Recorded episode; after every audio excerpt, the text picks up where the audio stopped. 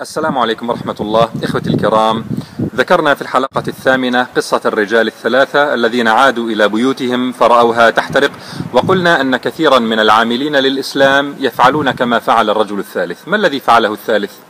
الثالث كان أولاده في الأيام الماضية يضيعون أوقاتهم في اللعب وجيرانه يكرهونه لأنه لم يكن يسمح لهم بإقامة حفلات رقص وغناء وشرب في بيته. والآن العصابة التي تصب الوقود على النار تطالبه بأن يعيرهم زوجته ليلة واحدة مقابل الكف عن صب الوقود على النار. فصاحبنا هذا قبل أن يدخل البيت نادى أولاده وقال يا أولادي اسمحوا لي أن أساعدكم وأعدكم بالسماح لكم باللهو واللعب كما تشاءون. يا جيراني تعالوا ساعدوني في إطفاء الحريق وسأعطيكم نسخة من مفتاح البيت تفعلون فيه ما تشاءون. أيتها العصابة الموقدة للنار توقفي وسأدرس موضوع إعارة زوجتي لكم ليلة واحدة. ما الذي يفعله هذا الثالث؟ يقدم تنازلات ذريعة مقابل مكتسبات موهومة. يبيع عائلته نسيئة فيسلم البضاعة إلى مشتر كذاب دون أن يقبض الثمن. يقبل المساومة فيما لا يساوم عليه ويبيع الهدف سلفا من أجل الوصول إليه. فالعصابة لن تكف عن إضرام النار ولا يزالون يقاتلونكم حتى يردوكم عن دينكم إن استطاعوا. والجيران لن يصالحوه ولن يساعدوه حتى يرتع في حمأتهم وإلا فقولهم أخرجوهم من قريتكم إنهم أناس يتطهرون. وأولاده لن يروه مخلصا إن أرضاهم بسخط الله فمن التمس رضا الناس بسخط الله سخط الله عليه. وأسخط عليه الناس. فمكتسبات صاحبنا هذا كلها موهومة. مكتسباته موهومة. لكنه قدم ثمنا باهظا مقابل هذا اللا شيء حين قبل المساومة على زوجته وحرمة بيته وأخلاق أولاده. هل لا زال هناك داع لتفكيك رمزية القصة؟ الزوجة ترمز للشريعة والأولاد للشعب وجيران السوء هم العلمانيون والمنافقون وأعداء الشريعة من بني جلدتنا الذين يصدون عن سبيل الله ويبغونها عوجا. صاحبنا زعم في البداية أنه يريد إنقاذ زوجته وبيته وأولاده. رأى الهدف مستحيلا بالمقاييس المادية فتنازل عن الهدف في سبيل الهدف. باع زوجته وأولاده ليحصل بزعمه ما ينقذ به زوجته وأولاده وليحصل السلم دفع الهدف ثمنا للسلم. حتى إذا ما صعد السلم لم يجد إلا فراغا لأنه باع ما صعد من أجله. ماذا استفاد صاحبنا إن سمح له بالفعل بدخول البيت وتهدئة الحريق إذا كان المقابل أن يسلم الزوجة للأعداء والأبناء للأهواء وحرمة البيت لمن ينتهكها؟ وكذلك ماذا يستفيد الإسلاميون إن وصلوا إلى الحكم بعد أن كان الثمن التخلي عن الشريعة؟ وإشراك العلمانيين في الحكم والنزول عند الرغبات الفاسدة لشريحة من الشعب؟ ماذا يستفيدون من الوصول حينئذ إلا كما قيل نجحت العملية ومات المريض. نجحت العملية ومات المريض. عندما نقول إسلاميون أو أصحاب المشروع الإسلامي فما الذي يميزهم؟ ما بضاعتهم؟ ما هدفهم؟ قال تعالى الذين إن مكناهم في الأرض أقاموا الصلاة وآتوا الزكاة وأمروا بالمعروف ونهوا عن المنكر. كل معروف وكل منكر. وما هذا إلا إقامة الدين إقامة الشريعة.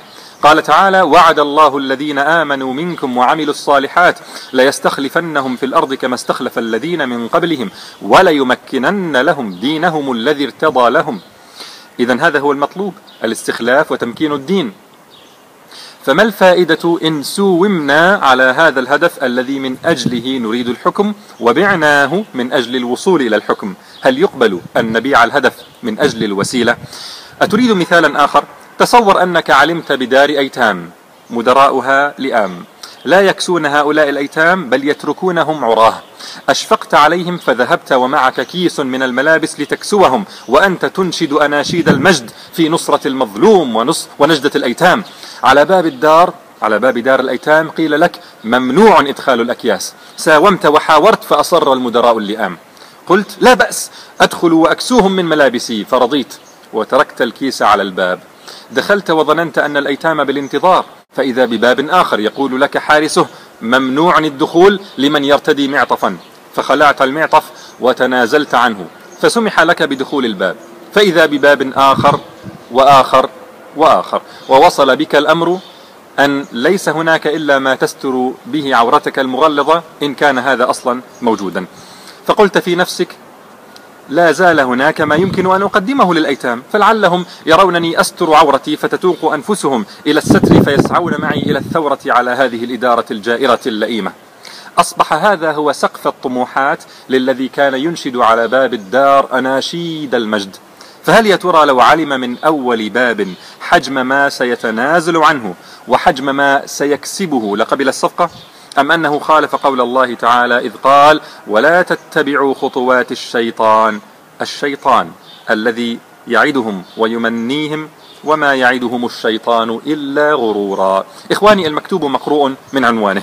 أعداء الشريعة عراة عن طاعة الله والعبودية له فيغيظهم أن يروا مستورا ولن يدخل في سدة حكمهم من خلالهم إلا من اتبع ملتهم وأصبح عاريا مثلهم. يقف حارسا على الباب معهم ليمنع دخول المستورين. فما الفائدة إن وصل الإسلاميون إلى الحكم وتركوا على الباب الشريعة التي من أجلها أرادوا الحكم؟ فأيها العاملون للإسلام حددوا هدفكم. أتريدون الدولة أتريدون الدولة لأجل الدولة أم تريدونها لإقامة الشريعة وتحقيق العبودية لله؟ إن كنتم تريدونها لإقامة الشريعة فإياكم أن تتنازلوا عن الهدف من أجل الوسيلة. أعلم أن كلامي هذا سيثير كثيرا من الاعتراضات. فهناك من سيقول نحن بدخولنا في العملية السياسية لم ندعي أننا نريد إقامة الشريعة بل نريد تحسين الوضع ما استطعنا. وقائل سيقول لماذا اعتبرت المكتسبات موهومة وليست حقيقية؟ وقائل سيقول لماذا تقول أننا تنازلنا عن الشريعة؟ نحن لم نتنازل عنها. الإجابة عن هذا كله ستأتي بالتفصيل في الحلقات القادمة بإذن الله. لكن حتى ذلك الحين أتمنى من العاملين للإسلام الذين دخلوا العمل السياسي البرلماني وممن يؤيدون مسلكهم هذا أن يجيبوا في أنفسهم عن الأسئلة الستة التالية. السؤال الأول ما هدفكم تحديدا من الدخول في هذه العملية؟ السؤال الثاني ما هي التنازلات التي قدمتموها في البداية أو بلغة البعض المفاسد التي قبلتم بها؟ السؤال الثالث ما هي المكتسبات أو المصالح التي من أجلها رضيتم بهذه المفاسد؟ السؤال الرابع هل لا زالت المكتسبات التي رجوتموها في البداية قائمة أم أنها بدأت تتساقط والطموحات تضيق؟ السؤال الخامس. إن كان الجواب عن السؤال السابق أن المكتسبات المرجوة تدنت فهل عدلتم في التنازلات بما يتناسب مع حجم المكتسبات الجديدة؟ السؤال السادس. هل تعتبرون أنفسكم كإسلاميين في العمل السياسي حاليا؟ في العمل السياسي البرلماني. هل تعتبرون أنفسكم ممكنين أم مستضعفين؟ هذه أسئلة أتمنى من كل عامل للإسلام انخرط في العمل البرلماني والانتخابي وممن يؤيد دخوله فيها أن يجيب عنها. لنتعاون معا في الحلقات القادمة على معرفة إلى أين يسير العمل الإسلامي الحالي وهل لا زال محافظا على البوصلة أم أنه ضيعها. خلاصة الحلقة الوصول إلى الحكم. ينبغي أن يكون وسيلة تتخذ بطريقة شرعية. الهدف منها تطبيق الشريعة وإقامة الدين. فمن الخطورة أن نتنازل عن الهدف من أجل الوسيلة. فمن الخطورة أن نتنازل عن الهدف من أجل الوسيلة. والسلام عليكم ورحمة الله.